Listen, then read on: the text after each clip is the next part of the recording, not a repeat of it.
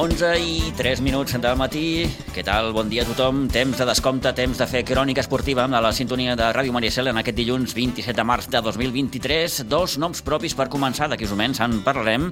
Els de Jan Romero i Roc Mellado, com apuntava en Vicenç ara fa uns moments, aquests dos joves jugadors del Rugby Club Sitges que han estat campions d'Espanya amb la selecció catalana sub-14. D'aquí uns moments els saludarem.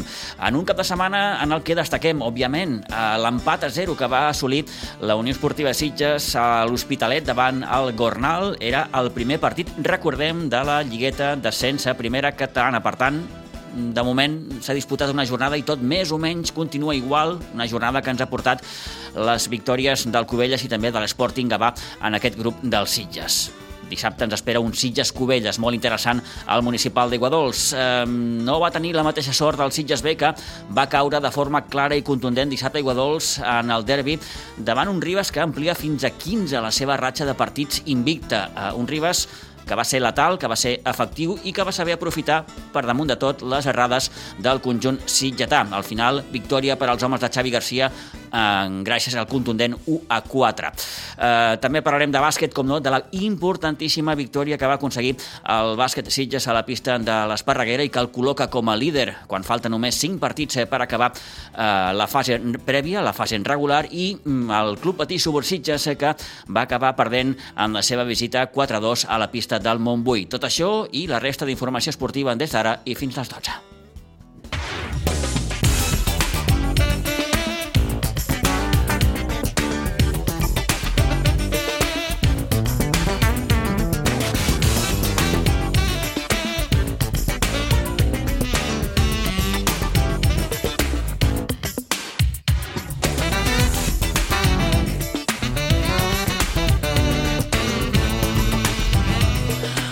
I 5 minuts del matí, com dèiem, dos noms propis per començar. Els de Jan Romero i Roc Mellado, aquests dos joves jugadors del Rugby Club Sitges que en aquest cap de setmana s'han proclamat campions d'Espanya amb la selecció catalana sub-14, el campionat autonòmic que es va disputar dissabte i diumenge a Madrid i la selecció catalana amb 3 victòries i una derrota va empatar a 13 punts amb la selecció de Madrid, però finalment es van dur el títol gràcies a l'Averaix.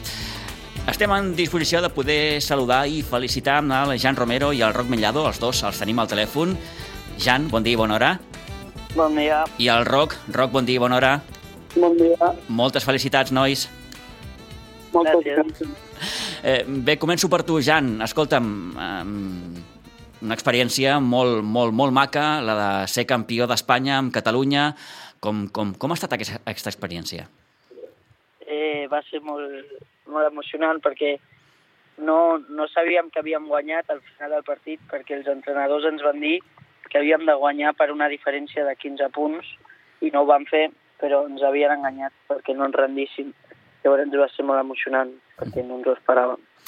Roc, suposo que tens la, la mateixa sensació, oi? Sí, tinc la mateixa sensació. Mm, era la vostra primera experiència com a, com a, com a jugadors de, de la selecció catalana? Sí. I què tal? Com, com, com va anar? Bueno, eh... molt, molt emocionant. Molt emocionant. Uh, escolta'm, havíeu de passar una, una, una preselecció, diguem-ho així, havíeu de fer um, alguns entrenaments abans no us seleccionaven, no? I com, com ha anat aquest procés, Jan?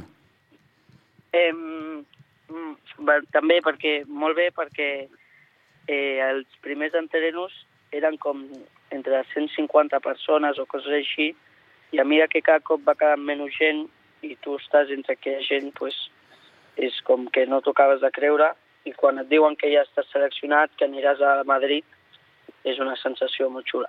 Uh -huh. Uns 150 nens i nenes que, com dèiem, han passat pels diferents entrenaments i només 26 d'aquests 150 van poder jugar amb la selecció. Tot i que, pel que sé, també altres nens del, del, de l'equip, dels Sitges, van poder entrenar, no? Sí. El Daniel Tros. Daniel Tros uh -huh. i el, el Lícer Niubó i el Darek Taborga. Molt bé. Aquests, aquests nens també, els vostres companys, no van poder, malauradament, final doncs, poder formar part, volia dir, d'aquesta selecció. Eh, bé, una experiència molt, molt bona, com, com, com dèieu. Eh, veu aconseguir, sembla, tres victòries i una derrota, no? Sí. sí. El partit que perdeu és en València? Sí, va ser contra València. Uh -huh. Eh, va ser tot el cap de setmana, no? Eh, tant dissabte com diumenge. Però vam tindre que, que anar divendres, agafar l'AVE i anar cap a, cap a Madrid. Uh -huh. I, I què tal amb, amb els vostres companys?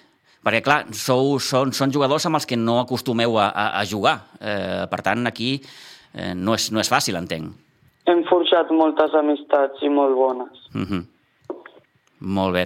Eh, era, com dèiem, la vostra primera experiència amb, amb, amb Catalunya. A partir d'ara, suposo, Jan Roc, que voleu, voleu seguir no? aquesta aventura. Sí.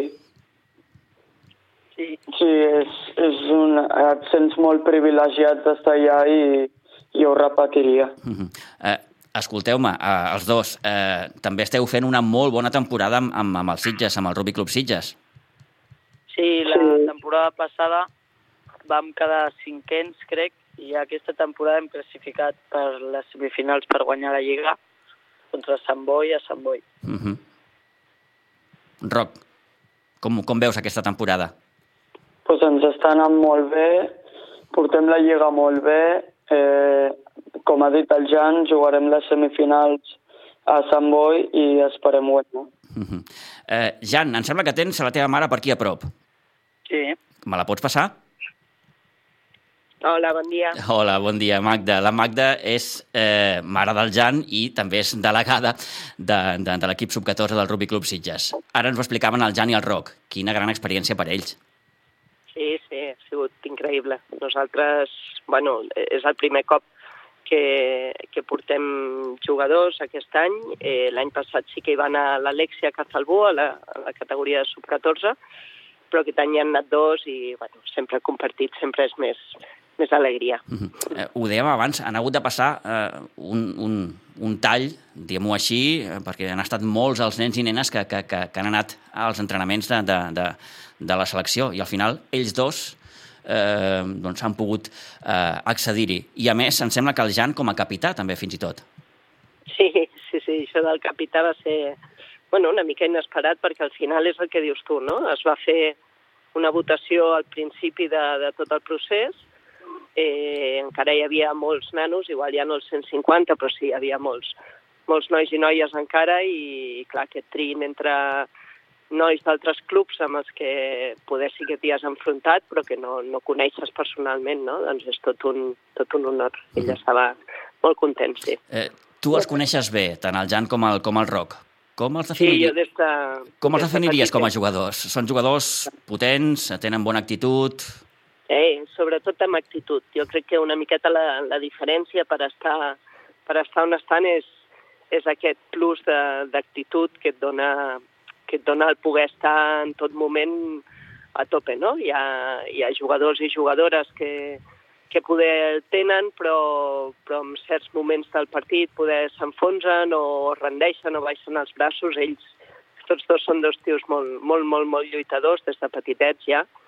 I vulguis o no, això també, no? el fet de que, que fa molts anys que juguen aquest esport també és una, és un avantatge. Uh -huh. és un avantatge. Eh, Magda, aprofito que et tinc al telèfon. Eh, parlem aquesta temporada d'una gran temporada d'entrada per, per al sub-14, fins i tot amb, amb rècord de, de, de fitxes.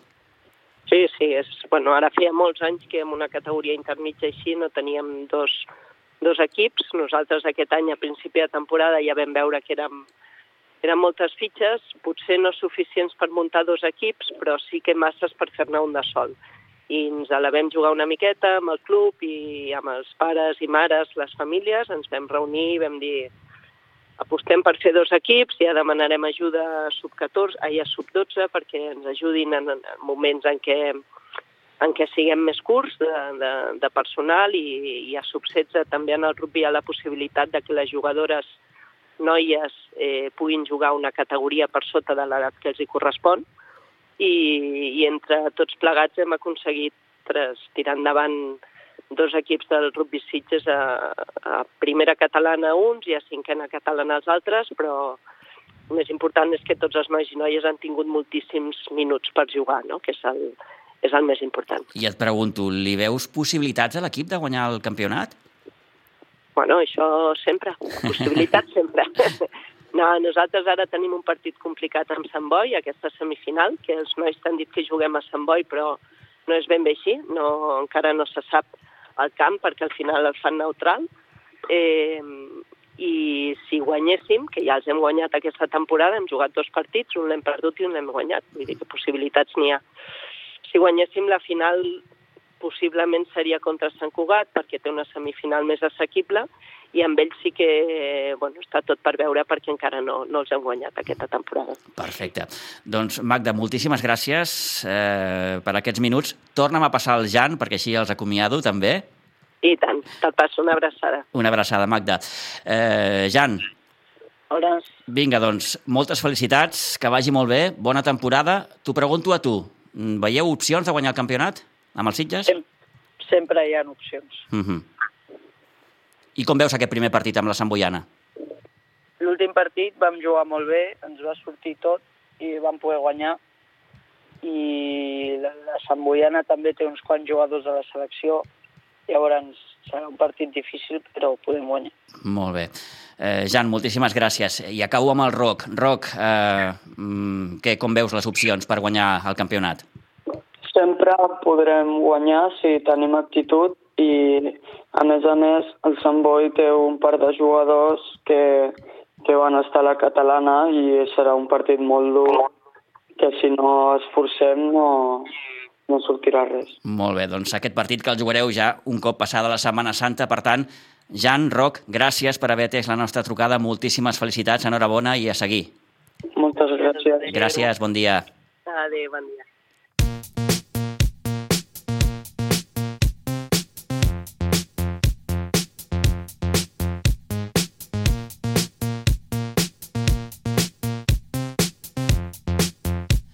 Bé, doncs allò que sovint diem, allò de la cantera, de la pedrera. En aquest cas parlem de dos joves mm, jugadors del Rugby Club Sitges. Tornem a recordar els seus noms, en Jan Romero i en Roc Mellado, campions d'Espanya en aquest campionat autonòmic eh, que s'ha disputat aquest passat cap de setmana a Madrid. I amb l'opció, fins i tot, de poder assolir el campionat de primera categoria. De moment hauran de superar un difícil escull com és la Sant Boiana el cap de setmana del 15 i el 16 d'abril, però opcions, com deien el Jan i el Roc, hi són totes.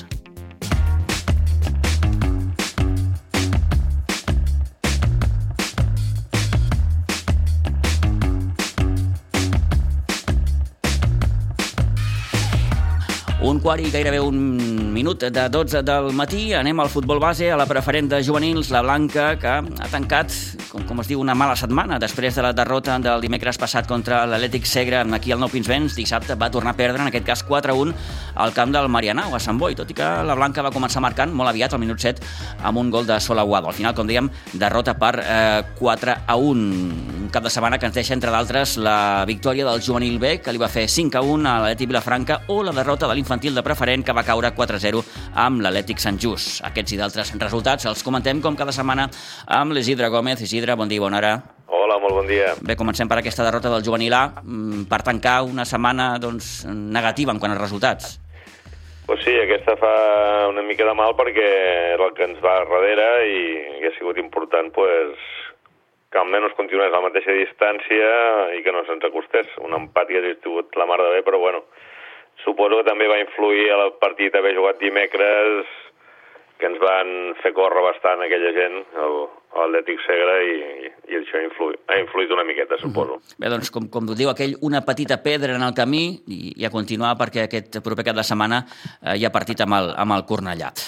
Destacàvem també la victòria del juvenil B, d'aquest 5 a 1 amb els vilafranquins. Sí, la primera part va quedar ja resolt el partit i, bueno, continuar aquí la, la lluita per veure si ens podem acostar amb els dos de davant que no, que no fluixen, no fluixen. Molt bé. I, I si ens podem apartar una mica també del Ribes, que el tenim a, al nostre costat. Molt enganxadet, en aquest cas. Eh, seguim amb els cadets. Mira, el cadet A va empatar 1 a 1 contra el Vilanova i la Geltrú A. El cadet B va guanyar 10 a 0 al camp del Bas Vilanova de 2015. El preferent ja l'has comentat, que va perdre 4 a 0 contra l'Atlètic Sant Just. A l'infantil B va guanyar 6 a 1 a Pinsbens contra el Vilanova i la Geltrú D. A l'infantil C va perdre 3 a 1, 1 a 3 amb el Derby Sitgetà contra el Sitges B. En categoria Levina, la Livina va guanyar 2 a 1 a Pinsbens contra el, el Castell de Fels D. A l'Alevin B va perdre 3 a 0 al camp del Sant Boià C. A l'Alevin C també va perdre 6 a 2 al camp del Mar Bartra 2020. A la 20D va perdre 3 a 6 al, a Pinsbens contra el Mascatarro B i finalment eh, també una derrota de 4 a 3 contra el Vilanova i la Geltrú. En categoria Benjamí, el Benjamí A va guanyar 0-2 al camp de l'Escola de Futbol Gavà, el Benjamí B es va imposar 7 a 2 a Pinsbens contra el, la penya recreativa Sant Feliu de Llobregat B, el Benjamí C va perdre 3 a 1 al camp del Sobirats Unió Esportiva i el D va guanyar 0-6 al camp a Pinsbens contra el Sant Sadurnià. Aquesta vegada, la setmana, tenim 7 victòries, un empat i 8 derrotes, que em sembla que és de les vegades que hi ha hagut més derrotes en, una, en un cap de setmana. Mm. Com deia abans, una pedra en el camí. Sí, sí, esperem que siguin poques. que no siguin masses. Bé, Isidre, gràcies per aquest repàs. Bona gràcies, setmana, parlem divendres. Gràcies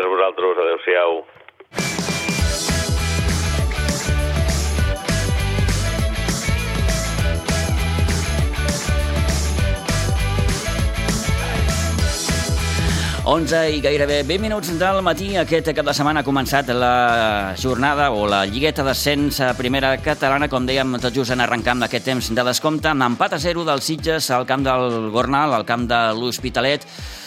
Uh, I bé, mm, només va faltar, suposo, el gol o els gols. Toni, bon dia. Bon dia, bon dia, Pitu. Màxima igualtat. Màxima igualtat. El gol sí que el va marcar el Sitges, eh? però se el va anul·lar Geri. Cert, és cert. Eh, a més, sí, senyor, a més, tens tota la raó. A més a més, jo penso que... Ben un, anul·lat? Un gol, per mi no, perquè, doncs, uh, Geri no estava en fora de joc. Geri venia de darrere. Passa que n'hi havia un jugador sitgetà eh, que potser per, eh, per proporcional sí, eh, sí, sí, sí, sí, allà, sí, sí, sí. doncs, uh, però el Geri venia de darrere eh, per, a mi, per mi és un gran gol. Per l'entrenador dels Sitges, eh, ja l'escoltarem, clar, lo, lo tenia massa lluny perquè el camp de l'Hospitalet és immens. Què tal el Gornal? A mi me va semblar un bon equip. A mi me va semblar un bon equip que, que jo penso que és un fidel candidat a pujar perquè té, més que individualitats, eh, té conjunt té, és un conjunt molt compacte, treballa molt bé. Eh, eh, el que passa que tenia molt de respecte tant la Gornal als Sitges com els Sitges a la Gornal. El que passa que doncs, eh, jo penso que el control del partit el va portar tot als Sitges, la Gornal se va defendre molt bé, va saber jugar-li molt bé als Sitges a les contres, perquè de fet té molt bé estudiat el camp eh, i a les contres era el que buscava doncs, eh, que portés la posició de la pilota als Sitges, però ell sortir a mort de perill. No va tenir que fer gran aturades. El... De fet, jo no me recordo de cap. Eh... Aturada allò... Sí. Mm... Complicada. Complicada, no? Mm eh, el porter dels Sitges, eh, Luca Cajes, però en, en lo de més el Sitges eh, va arribar més vegades i ja t'he dit, eh, tot i que no van ser ocasió clara, la més clara és el gol del Geri, que per mi, de on estava jo, jo no vaig veure fora. Jo. Una jornada, Toni, que ens deixa la victòria per la mínima del Covelles 1 a 0 amb el Senil de Fons i també victòria per la mínima de l'Sporting Gavà 1 a 0 amb la Fundació Aleti Vilafranca. Sí, sí, Una sí. jornada amb pocs gols, eh? Tants, tan pocs com, com dos sí, però mira, dels tres partits. Mira la Fundació Aleti Vilafranca i lo difícil que serà. Per mi, eh, aquest, eh, aquesta segona fase, els equips eh, que mm, aconseguissin guanyar los punts, assegurar els punts de casa, sobretot... Ara dir, que important serà de 3 en 3, amarrar bé eh? aquests punts de casa. Perquè a fora tindran moltes dificultats, eh? perquè la prova la tens eh, amb, el, amb el Gavà, el sí, sí. Gavà, el... Sí, sí, cap dels ni Sant Ildefons ni l'Atleti Vilafranca han aconseguit eh, puntuar fora sí, i, aquesta primera jornada. I, i, i eh, quan arribàvem al camp eh, vam veure eh, doncs, l'entrenador de, de l'Esport Gavà i ho deia clarament, eh, juguem a les 8 perquè Àngel le va preguntar, l'Àngel Calvo va preguntar eh, no jugueu avui, sí, però juguem a les 8 i clar, allà havia jugat un nen d'ell eh, Eh, i mm, sí, sí, diu, serà un partit, per, per, serà un partit difícil però anirem a guanyar. I de fet van guanyar eh, per un solitari gol però home, important per ells. Començar perquè de fet és el que tanquen el grup és el que menys punt tens eh, menys punt té i té que aprofitar-lo bé. Escoltem Toni Salido, un Toni Salido que era conscient de les dificultats que es podien trobar amb un bon equip com el Gornal Sí, totalmente. Bueno, ya lo sabíamos. Había ido toda la liga como, un tiro. Sabíamos que, iba a ser un, buen equipo. Eh, al final ha sido un partido muy igualado, donde, sí que es verdad que eh, hemos tenido nuestras opciones y hemos, la verdad que, que, que contento con el partido de hoy. Hemos jugado en un partido muy serio en todo momento. Eh, hemos vuelto a tener la portería cero, que creo que es importante. Y creo que sacamos un buen punto de aquí de la jornada. Eh, la clave es seguir sumando y hoy sumamos un punto más y, y un partido menos. El rival era desconegut, sí que teníeu informes i això ha anat molt bé al llarg de tot el campionat en el, en el seu grup, però potser també el camp massa gran, tot, tot i que el Sitges ha tingut una clara ocasió, un gol, eh, de Geri, que l'àrbitre ha xiulat fora de joc. Per mi molt justet, no sé com l'has vist tu. Pues yo de verdad que estoy acostumbrado a campos más pequeños y desde, desde donde estoy no, no, no veo la línea. Eh, al final ha levantado, no sé si fuera juego o no. Sí que ha definido bien, ha sido una buena jugada nuestra. Eh, lástima que no haya subido al marcador porque, porque la verdad que, que hubiese sido, creo que clave, ¿eh? porque la verdad que ellos no han tenido muchas, muchas ocasiones para, para llevarse el partido. Con lo cual, contento con el grupo, contento con el equipo, hemos vuelto a competir. hemos- creo que hemos hecho un partido muy serio y, y solamente queda descansar y preparar ya la semana que viene Cubella. La llàstima és la segona targeta de Javi, eh? Bueno, eh, casi que ya venía percibido con la, con la primera amarilla, ya tenía cuatro, eh, sabíamos que tarde o temprano lo íbamos a perder. Bueno, eh, sí que es un jugador importante para nosotros, pero como todos los demás, o sea, tenemos, tenemos un- una plantilla larga donde tenemos jugadores en todas las posiciones y bueno, iremos perdiendo porque iremos perdiendo jugadores seguro porque vamos cargados de tarjetas, entonces pues, bueno, cada semana seguramente caerá alguno y tendremos que superar obstáculos que, que- que es la competición la que te marca. Per lo que eh, aquest és un bon rival, és un, un seriós aspirant, eh, aquest. Sí, sí, completamente de acuerdo. O sea, es un muy buen equipo, jugadores físicamente bien preparados, eh, con la pelota muy bien. eh, la verdad que, es un gran equipo y, aquí en su campo hemos, hemos podido empatar. Eh, sabíamos que todo lo que fuese sumar aquí iba a ser bueno y la verdad que salimos muy contentos. Un puntito más y a seguir sumando. Uh -huh. eh, bé, la propera setmana Cubelles, eh, bé, aquí cada partit serà una final, com tu, tu vas dir, eh, abans d'acabar la primera fase, no? Sí, al final, al final es esto, o sea, cada, cada partido es un rival directo, o sea, tiene sus jugadores, tienen su- sus virtudes, sus defectos y como todos los equipos, están los seis mejores equipos, cada semana eh, será una guerra, hay que estar muy bien cada partido porque el día que no estés bien seguramente palmes, o sea, eso, eso lo tenemos muy claro y la línea a seguir es esta, eh, seguir unidos, trabajando eh, y competir todos los partidos. Si somos capaces de competir todos los partidos tendremos opciones de, cumplir el objetivo. No, ja per acabar, la part positiva és que, bé, ha tocat, ha tocat el primer partit la Gornal, el segon partit us toca el tercer classificat, el, el Cubelles, Mm, clar, els demés estan més, més atrasats de punts, no? Sí, bueno, lo- sí que es verdad que por clasificación la, es la que hay, pero si se han metido, si se han metido en este grupo es porque tienen buen equipo y han tenido que trabajar mucho para meterse entre los seis mejores. Eh, ahora mismo no hay que mirar clasificación, ahora mismo hay que mirar partido a partido, no mirar más allá, eh, preparar bien el que te toque e intentar de competir bien el partido que te toque esa semana. Eh, todo lo que sea mirar más hacia adelante, creo que nos equivocaremos y, y estamos muy concienciados de esto. ¿No? Eh, tenemos que ir semana a semana, preparar semana a semana, el rival que te venga, intentar de sumar cada semana, porque habrán, habrán semanas que no, no puntúes y te tienes que, rehacer de esa derrota. o- y, y tenemos que ser, sobre todo, aparte de preparar bien los partidos, sobre todo psicológicamente, estar muy, muy preparados porque, porque no va a ser fácil, no va a ser fácil. Hemos saltado el primero, primero contra un gran rival, un gran equipo, pero nos quedan nos quedan nueve partidos. Nueve partidos son muchos puntos, eh, por lo cual cualquiera que esté ahora un poquito descolgado se puede enganchar a la pelea y eso es lo que tenemos que intentar, de ir sumando para, para meternos entre los tres primeros matemáticamente y a partir de ahí pues ya miraremos si, si podemos llegar a otro objetivo o no. Pero el primer objetivo es semana a semana, ahora el primer objetivo es Cubella y, y así haremos. Cubelles, eh, sé que és l'última, Toni. Cubelles, encara se la puc guanyar aquest any, eh?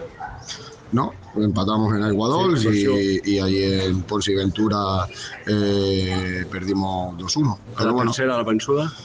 Pero bueno, esperemos que sí. Si no la tercera, pues intentaremos, tendremos otra que será la cuarta, pero seguro que iremos con las mismas ganas y con la misma ilusión que, hemos afrontado los dos partidos, que lo hemos competido.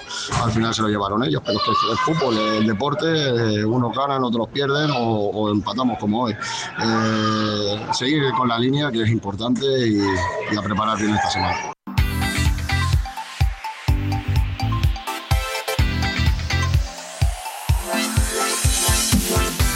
Bé, doncs, bon punt sumat dissabte amb l'Hospitalet, però ara m'apuntava el Toni. Aquesta propera jornada és prou important per als Sitges. Molt perquè important. rep el Cubelles, com dèiem, un Cubelles que ve amb baixes significatives, Sí, les de Víctor Blasco i Ayan Mateo, sí. tots dos expulsats l'altre dia en el seu partit contra Sant Ildefons, el Sitges que no podrà comptar amb Javi Lara, que també va ser expulsat l'altre dia en el partit contra el Gornal, però eh, tu li apuntaves també al Toni Salido, encara no s'ha pogut guanyar el Cubelles aquesta temporada. No. Eh... Empat a Iguadols a la primera volta, derrota al Pons i Ventura al partit de, de la segona volta. Sí, sí, sí, amb aquell partit que va perdre al final per 3 a 1. 3 a 1, no? sí, sí, va ser 3 a 1. Eh, sí, eh, no s'ha eh, no guanyat encara. És un partit, eh, per mi, eh, molt important pels Sitges, perquè és que mm, Gornal juga amb la Fundació Atlètic Vilafranca al camp de la Fundació Atlètic Vilafranca, Vilafranca, no? Això vol dir que si el Sitges guanya, li treurà punts 5 al Cubelles i li pot treure 3 punts al Gornal si no acaba sumant o guanyant Mhm. al camp de la Fundació Atlètic Vilafranca. La Fundació Atlètic Vilafranca té prohibit, perdre. té prohibit perdre Sí, sí. perquè si no doncs, eh, començaria a tenir urgències eh, vers el quart classificat eh, i, compte, se, se, le- se, se l'escaparia bastant, bastantes opcions. Ara mateix, com queda la classificació? Sitges primer 47 punts, 47 punts també per Gornal, tercer Cubelles amb 45. Serien aquests els tres equips que, si ara acabés aquesta fase, acabarien pujant. 39 punts, Fundació Leti Vilafranca, 36, Sant Ildefons, 35, Sporting Gavà. Hi ha un petit forat entre els tres primers i els tres últims. Sí, n'hi ha, ha aquest petit forat eh, que per això te deia tan important per la Fundació Leti Vilafranca mm, sumar els tres punts, perquè si no quedaria despenjat uh -huh. eh, vers a los que van per davant d'ell i la Gornal sumaria, sumaria tres punts i si guanya el Sitges, que té l'obligació de guanyar aquí, perquè la tercera, com jo deia, la tercera va a la vençuda i tot i que l'entrenador pensa que, mm, bé, que encara tenim que jugar un altre partit, aquest és primordial. És una jornada molt, molt interessant, molt important. 11 i 31, deixem aquesta fase d'ascens a primera catalana i repassem i comentem una miqueta com ha quedat el grup dotzè de tercera catalana, sobretot després de la derrota del Sitges B 1 a 4 contra el Ribas.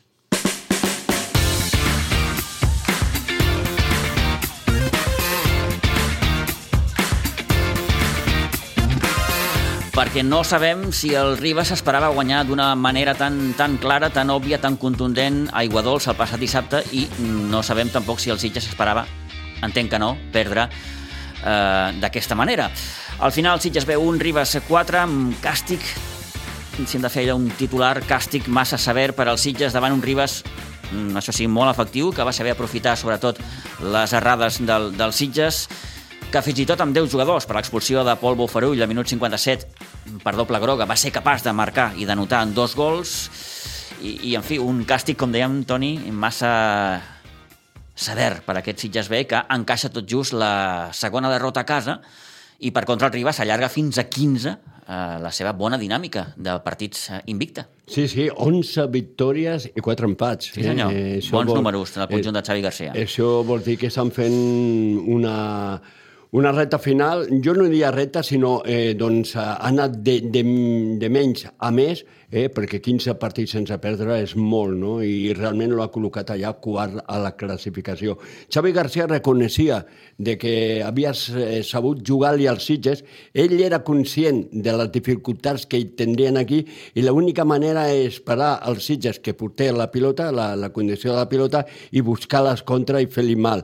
Ell reconeixia que li va sortir tot molt bé, eh? i que potser el marcador és massa voltat per lo que es va veure, lo va reconèixer, però va reconèixer mm -hmm. que són tres punts per ells primordials. Ara escoltarem Àlex Villalgordo, el tècnic del Sitges B, però mm, bé, Martí Ferret, el 23, avançava al Ribes, eh, va empatar gairebé la següent acció Gerard Fernández pel Sitges B, el 25, eh, tot i que al descans eh, Marc Vargas va fer el segon per al Ribas, per tant, mínim avantatge de nou per al conjunt de Xavi Garcia. Gerard Fernández, que va tenir l'opció fins i tot de poder empatar en una clara ocasió al minut 40, però al 61 Marc Robert feia l'1-3 amb un Ribas ja jugant amb un home menys, com dèiem per l'expulsió de Pol Buforull al 57, i el mateix Marc Robert feia l'1-4 al 68. Al final, victòria potser massa contundent, com reconeixia el tècnic del Ribas del, del conjunt ribetà, i aquestes eren les impressions de l'altre entrenador, en aquest cas d'Àlex Villalcordo del Sitges B. Sí, sobretot pel resultat i les sensacions et dic, jo, jo considero que fent un, una visió global, a veure, no et diré que mereixen guanyar perquè si et foten quatre no mereixes guanyar mai, eh, però jo crec que no, no han sigut inferiors eh, en moltes eh, etapes del joc. Sí que és veritat que a una que és vital, que és no cometre errades, eh, hem sigut uns nens.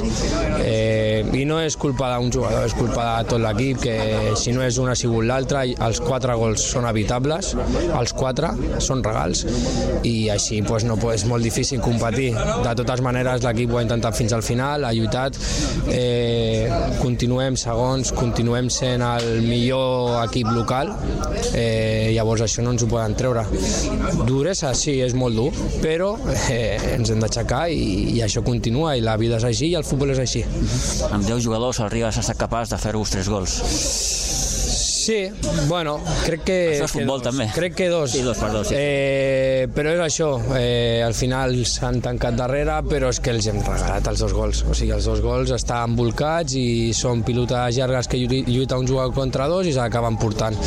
Eh, volíem, estàvem pensant més en fer nosaltres el segon a que no ens fessin cap més i ens ha passat factura i ja està, no, no passa res. Ha faltat també aquell puntet de sort, aquell potent d'encert en, en, en fases del partit.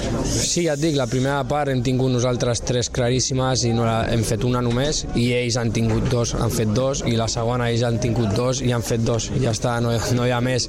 Eh, la fortuna que hem tingut altres dies que hem guanyat el 89 pues aquest, aquest dia no l'hem tingut. Portem una bona dinàmica, eh, de 21 punts de la segona volta portem 16 crec que són, està molt bé, anem en bon camí i hem de continuar lluitant fins al final, que aquí tots els equips ens deixarem, ens deixarem punts segur. Mm -hmm. eh, sabíem que el Ribas també venia amb una bona dinàmica, 14 partits invicta, avui són 15. T'ha sorprès el Ribas o no?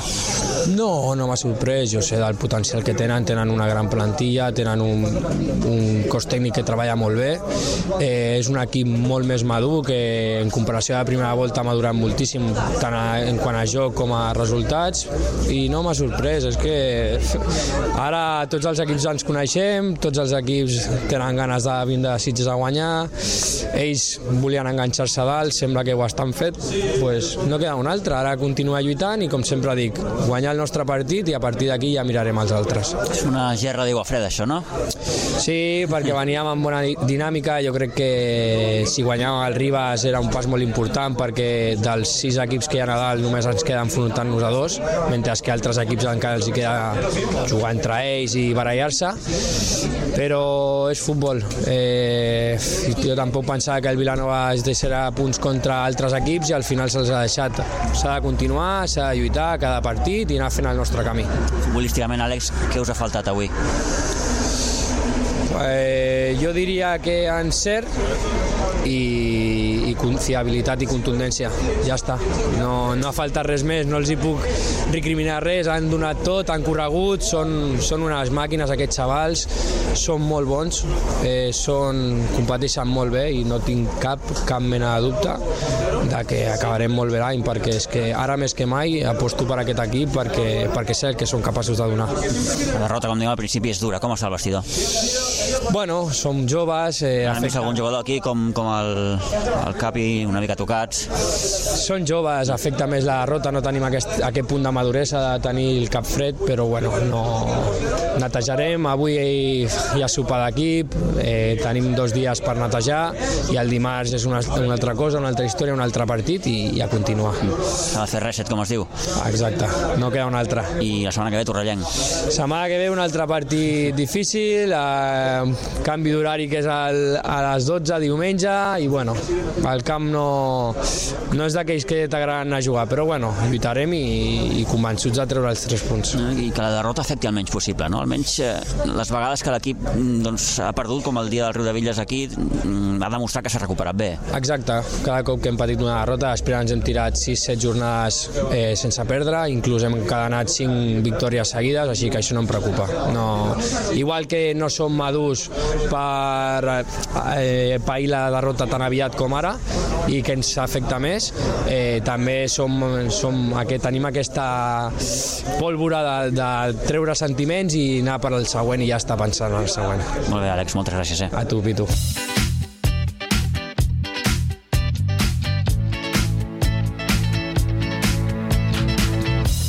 Bé, doncs, com deia el míster, s'ha de fer reset i a pensar en el Torellenc, Toni. Sí, sí, sí. Eh, això no, no, vull dir, és setmana a setmana. Sí. Sí que és una derrota que, que, que fa mal, perquè, home, portaves una bona dinàmica i, clar, que et facin 4, com també et va fer 4 al Riu de Villes, és que les dues derrotes a casa han sigut derrotes dures. Sí, és que... Han sigut senyores derrotes.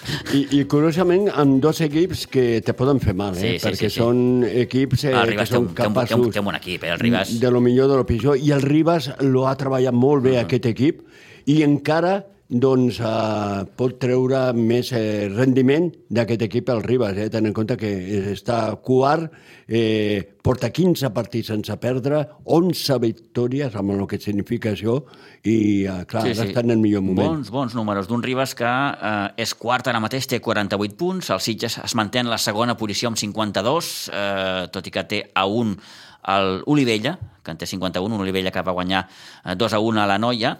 El Vilanova del Camí s'escapa de nou, té ara el coixí aquest de 6 punts perquè va guanyar 1 a 4 Tenia un partit fàcil. Sí, tenia un partit fàcil contra, contra el CUE, contra la Pobla Claramunt, i problemes eh, per l'Atlètic Vilanova mm, amb aquest empat a un amb el Torrellenc. Mm, sí, molts Problemes problemes. perquè ara mateix l'Atlètic Vilanova és quart per la cua, però baixaria. Sí, sí, sí, perquè si no recordo ma- malament està a dos punts de les cabanyes, o tres, Eh, ara mateix a dos punts. a dos punts de les cabanyes, eh, i clar, eh, té que aprofitar aquesta setmana. Li queden cada dos partits consecutius al seu camp i té que aprofitar a sumar de 3 en 3 perquè doncs, ara per ara perdria categoria. Algú deia, em va semblar sentir l'altre dia a Iguadols, amb aquesta derrota el Sitges B ja diu adeu. No, Què creus, Toni? No, no, jo crec que no. Jo crec que no. I a més a més, me quedo molt convençut després de, de la conversa que vaig tenir amb l'entrenador del Ribas, de Xavi Garcia, quan me va dir que l'únic equip que podia fer-li mal a l'Atlètic Vilanova, al, perdó, Al al Vilanova Vilanova del del Camí és el Sitges. Que tot i que ells van guanyar, ells són conscients del potencial que té el Sitges i de la manera que juga el Sitges, que és molt difícil de jugar-li al Sitges. Uh -huh. Bé, doncs és una bona reflexió aquesta, la que feia Xavi Garcia. I, clar, jo me quedo amb això. Jo que l'he vist molt partit al Sitges, jo sé que el Sitges es recuperarà i seguirà allà. Que pugui agafar el Vilanova del camí o no és molt Sí, que complicat. tingui temps per aconseguir-ho. Sí, perquè, això és complicat. Eh, cada jornada que passa és una menys. Clar, és una I ara, menys. com dèiem, el Vilanova del Camí torna a tenir aquests dos partits de marge. Sí que el Vilanova del camí encara té que jugar al Camp del Ribas, l'Olivella té que anar a Vilanova del Camí i ni el Ribas ni el Vilanova ni el Olivella ha sigut capaç de guanyar el Vilanova del Camí. Uh Mhm. -huh. Així que... Veurem com, com, Mhm. com respon el líder en aquests partits mm, contra Tan rivals... exigent, no? Sí, sí, exigents. Molt bé. Està interessant també aquesta, aquesta tercera catalana. Per tant, deixem el futbol, 11 i 42, anem al bàsquet.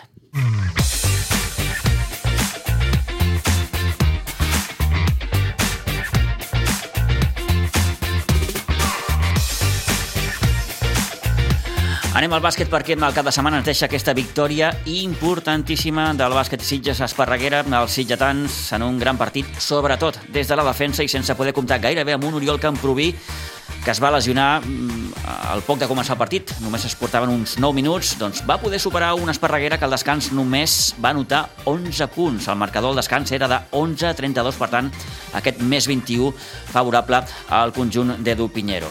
Des del punt de vista anotador, doncs destaquem els 12 punts de Bustos o els 11 de Marçal Gosalvez, en una jornada en què bé, també destaquem la derrota del Sant Nicolau 82 a 70 amb el Cubàsquet Sant Cugat. Això doncs, combinat amb la victòria del Sitges Esparreguera, ara mateix deixa el Sitges líder amb 14 victòries, 3 derrotes, seguit del Sant Nicolau també amb el mateix nombre de victòries i derrotes, Esparreguera amb 13 5 i Castellet amb 12 i 5. Queden 5 finals. Ara us ho comentem, però d'entrada escoltem eh, Edu Piñero, un Edu Piñero reconeixent que el de dissabte a Esparreguera és un partit que quedarà sempre a la seva memòria. Una victòria que, que va quedar grabada en mi memoria. O sea, fue un partido que los jugadores en, durante los 40 minutos demostraron una ilusión, una motivación y una concentración que fue algo increíble.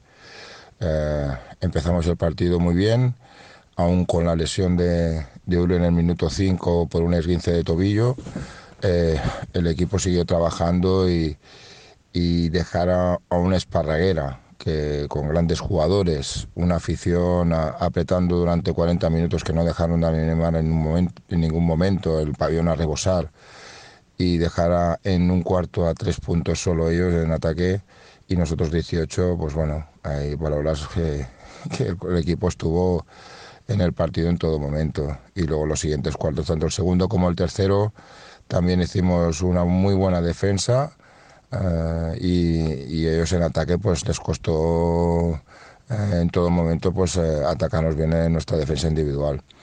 Luego ya en el último cuarto yo creo que el equipo ya estaba, la gasolina ya estaba bajo mínimos y bueno, tuvimos algunos robos de, por la presión de ellos, pero bueno, ya la, diferencia ya era más de, más de 20 y, y la supimos administrar y bueno, y es el trabajo que, que, hemos, intentado durante todos estos meses, Jordi y yo, eh, inculcarles a los jugadores de que si se defiende el problema no es en ataque, o sea que sabemos que en ataque tenemos muchas cosas y, y al final, pues bueno, una victoria que, que, nos hace poner líderes porque encima el Sabadell ha perdido esta semana y, y bueno, no sé, y es una motivación que nos tiene que hacer que nos quedan cinco finales y que y que vamos a trabajar para conseguir el objetivo de, de poder ganar los máximos partidos para estar arriba.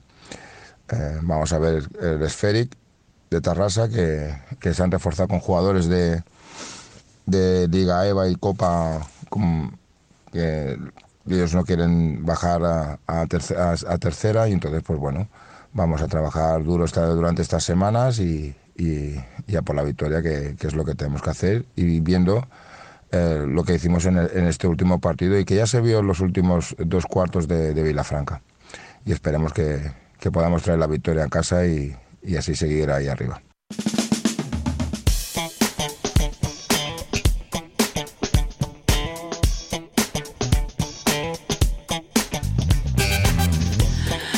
Onze i 46 minuts del matí. Home, li puc preguntar al José Antonio Velasco si com l'Edu creu que el partit de dissabte Esparreguera és per guardar-lo a la memòria. Velasco, bon dia. Hola, bon dia, Pitu. Eh, sí, es para guardarlo en la memoria. fue, fue espectacular. Para que nos acordemos. Eh, eh, un ambient, ens diuen, increïble, pabellón a tope, primer cuarto, Esparraguera con solo tres puntos, segundo con ocho, partido, lo decía antes, que se define sobre todo atrás, como se dice. No, no, el trabajo fue defensivo brutal. Estuvieron el Esparraguera no estaba no, no, no tiraban, tiraban tiraban en malas condiciones. Tú fíjate un detalle, quedaba un minuto y medio para acabar el partido. Ganábamos de 23 y tuve que preguntar, ¿ya puedo estar tranquilo? Porque era fue fue fue mucho, no, no era inconcebible que los de Esparraguera no metiesen pero es que el trabajo defensivo fue brutal, fue coral, todos trabajando como bestias. El, el Nil con, con 15 rebotes, eh, una cosa que esto que dices no puede ser, no puede ser. y así están, un trabajo de toda la semana. Eh, y, y, eso que, que Uri se lesionó en el minuto 9. Se lesionó en el minuto 9, todos mm, temblamos, eh, los de Esparraguera pasaban a preguntarles que me hace gracia el, el delegado de campo, ¿cómo estás? no, no, no voy a jugar corriendo al entrenador, no, que no, que no juega. Pero salió un Marsal que, que lleva pues eso, casi 300 días lesionado y fue un trabajo estupendo. No, no hubo problemas, metió 11 puntos, cogió rebotes, eh, supo administrar la pelota durante el partido algo formidable y mira, entre todos pues hicieron este gran partido. Esparraguera que, que, que va guanyar aquí el partit de la primera volta. Suposo que ho recordaràs, José Antonio, el partit de la presentació dels equips, eh, aquell sí. partit que eh, ens va deixar així una miqueta... Uh, i, i, i el partit de dissabte a, a la seva pista, doncs, vaja, poques paraules més, eh, hi havia un bon ambient, oi? Sí, no, no, estaba el campo, estaba el campo lleno, muy buen ambiente, todos animando, presionando a los árbitros, Sí, sí, había, tenían buen equipo. Lo que pasa es que aquí Esparraguera no, no nos ganaron, le regalamos el partido. Ah. Esa fue la diferencia. Es importante el matiz. Sí, sí, se lo, se lo regalamos porque no hubo actitud defensiva, estaban acusando a la baja de Nacho, eh, sin Nacho no hacemos nada, estuvieron muy llorones y, y ayer se, se, comportaron, ya te digo, una cosa espectacular. Yo nunca vi una defensa. Y un 3-18 no lo he visto en un cuarto en, en, en, todos los años que llevo aquí en Siches. Es que es eso, es que ¿no? Que, que, que, que, Esparraguera se queda con solo tres puntos en un uh -huh. cuarto. Es, bueno, esto define muy bien un, ya la actitud de, de, de, de los chicos. Además es que, mira, cuando ganamos al Sabadell aquí en casa, que les ganamos 18, pasó mm. una cosa muy parecida. Eh, tú ves que el entrenador de, del equipo contrario no, no mete y se ponen nerviosos, coge a sus mejores jugadores y a la banqueta. Y ya ves malas caras, no ves animando, les ves totalmente destrozados. El factor psicológico de salir el primer minuto a tope es que es fundamental, porque es que les destrozas, les destrozas. Ves que los entrenadores del otro equipo no, no, no saben qué hacer, no saben qué tecla tocar, y entonces cuando entran los nervios. Uh -huh. Fíjate, nos tiraron 29 tiros libres y solo metieron 13. Uh. O sea, es que, es sí, que sí, eso, sí. es que tiraban sin confianza, estaban sin confianza. Claro, el último cuarto fue cuando pegaron el arreón, pero nosotros ahí aguantando, aguantando, aguantando. Perdimos muchas pelotas, todo hay que decirlo. A Marsal le dieron por todos los lados y el chaval aguantó ahí subiendo la pelota, pero es que le dieron, pero a base de bien. Y en vez de hundirse, acordarse de sus lesiones de hombro y de no, no, no, siguió luchando, siguió luchando. Fue, fue un trabajo coral impressionante. Que bo, que bo. I a sobre, José Antonio, aquesta derrota de Sant Nicolau, de 12, amb el Cubàsquet, sí. eh? Sí, claro. Sí, clar, és una no, miqueta el que, el que deia l'Edu l'altre dia. Ara, clar, els equips de... El problema és jugar amb els equips de baix, ara.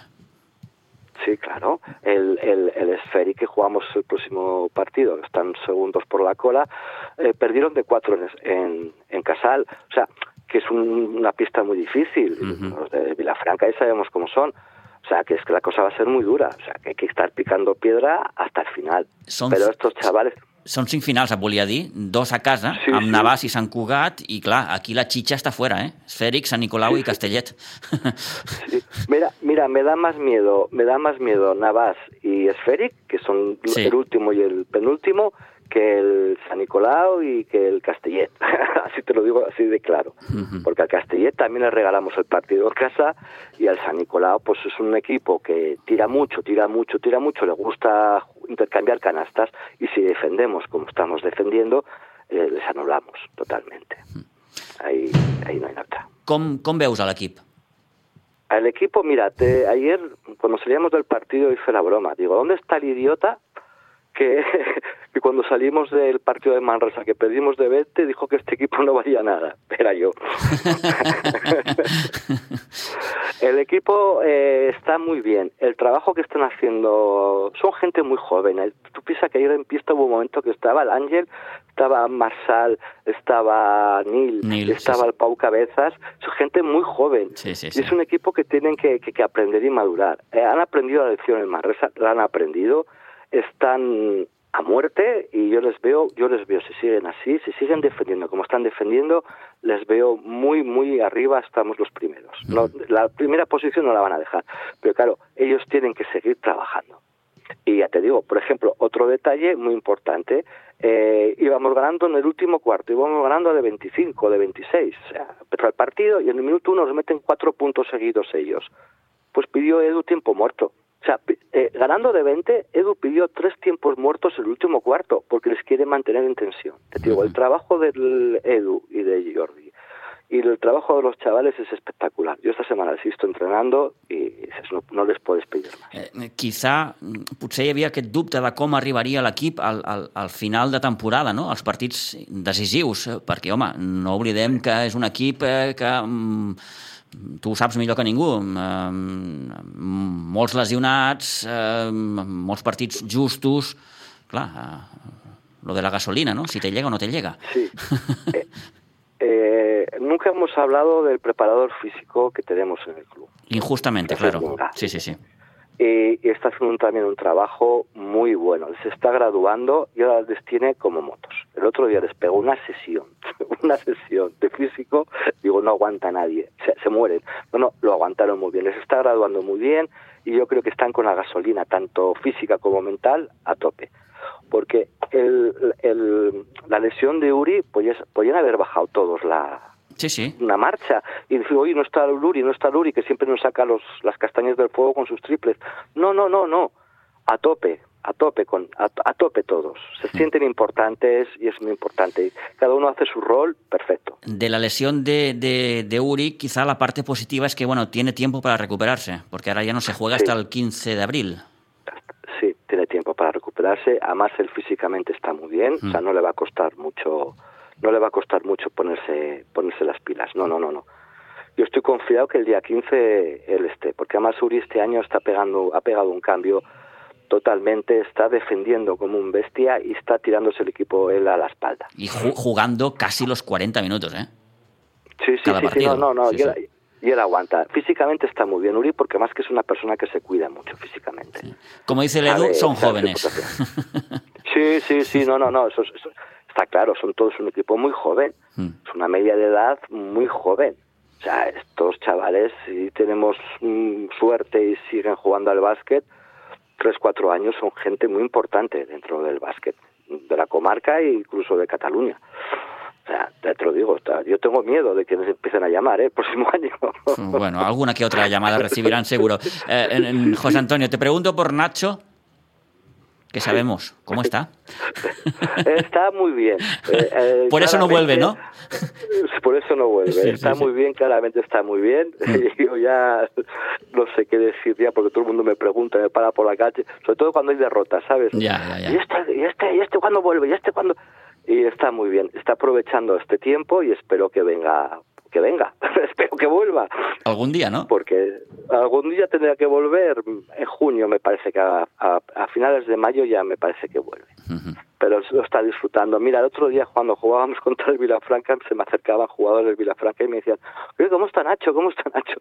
Y yo decía, anda, ¿que, que queréis que no juegue? No, no, no, no, si es que es un chaval que nos hizo la puñeta, o sea, se puede decir, Sí, marchándose a mitad de temporada, pero como cae tan bien a todo el mundo, todo el mundo le perdona. como es una persona que, que transmite muy, buenas sensaciones, pues ya te digo que fue horroroso cuando nos enteramos de una semana para otra que se iba. Pero luego todo el mundo le perdona a sus propios jugadores. No, no, sí, se hace bien. Los rivales, no, no, que, que sí, que, que se vaya, que es muy majete. Y el otro día estuve hablando con él. Hay árbitros que me preguntan por él. O sea, es un chaval que siempre deja muy buenas sensaciones. Y eso, y eso sin duda es lo, es lo mejor, es lo mejor. José Antonio, gracias por, por atendernos. Que vaya muy bien. A Enhorabuena. vosotros. Venga. Venga, hasta ahora. Adeu.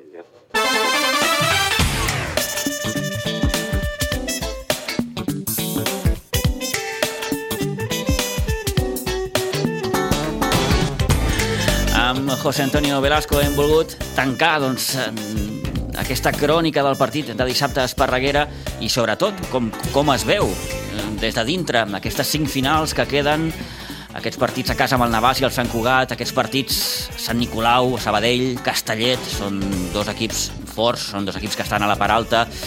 En fi, eh, bona victòria, repeteixo, la del Sitges Esparreguera, amb aquest eh, 41 a 63, malgrat mm, també mm, aquesta lesió de l'Uri, que esperem que, que es puguin recuperar ben aviat i que torni a estar ajudant a l'equip el proper dia 16 d'abril, ja passada la Setmana Santa, amb, aquesta, amb aquest desplaçament a Terrassa contra l'Esfèric, que com ens recordava també l'Edu Pinheiro, s'ha reforçat, perquè són equips òbviament que no, no volen perdre una categoria. Bé, d'aquesta jornada que també ens ha deixat la victòria del sènior B, que ha guanyat 72 a 58 el bàsquet Roquetes a Pinsbens i, en canvi, el sènior femení va acabar perdent 51 a 57 amb el Molins B, també partit que es va jugar al pavelló de Pinsbens.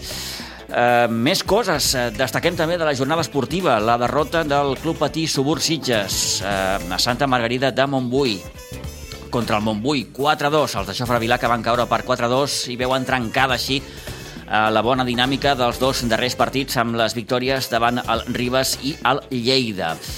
Eloi Fernández i Gerard Morera van ser els golejadors d'un club patí subursitges que s'enfrontarà aquest eh, proper dissabte amb el Vilafranca, a Pinsbens. Per tant, una nova final eh, el Vilafranca ja va ser capaç de guanyar-lo a la primera volta, 3 a 4, doncs és un partit també per tenir-lo com, a, com, a, com a referent. Vilafranca, proper rival a Pinsbens, aquest proper dissabte a partir de dos quarts de set de la tarda. Ara mateix, ara mateix el Club Patí Subursitges és tercer a la classificació tercer per la cua, volia dir, amb 13 punts. Per tant, hi ha un petit marge encara per intentar eh, salvar la categoria. I acabem amb futbol sala perquè hem de destacar la victòria de mèrit del futbol sala Sitges contra el segon classificat, contra l'Atlètic Torre Roja, aquest passat dissabte, d'aquí a Pinsbens, en un maig molt intens en el que va anar gairebé tota l'estona per darrere el marcador final ajustat, 7 a 5, i els sitgetans que, sens dubte, tenen bons, bons números, bons registres jugant com a local a Pinsbens, però atenció perquè la propera jornada eh, tenen visita a la pista del líder. Però, de moment,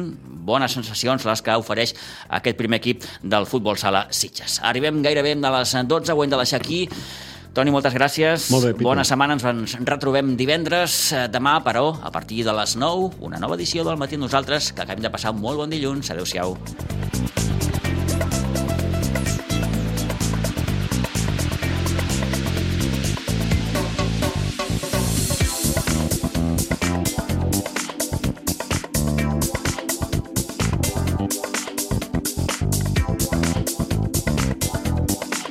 A Ràdio Maricel, cada dia, al matí amb nosaltres.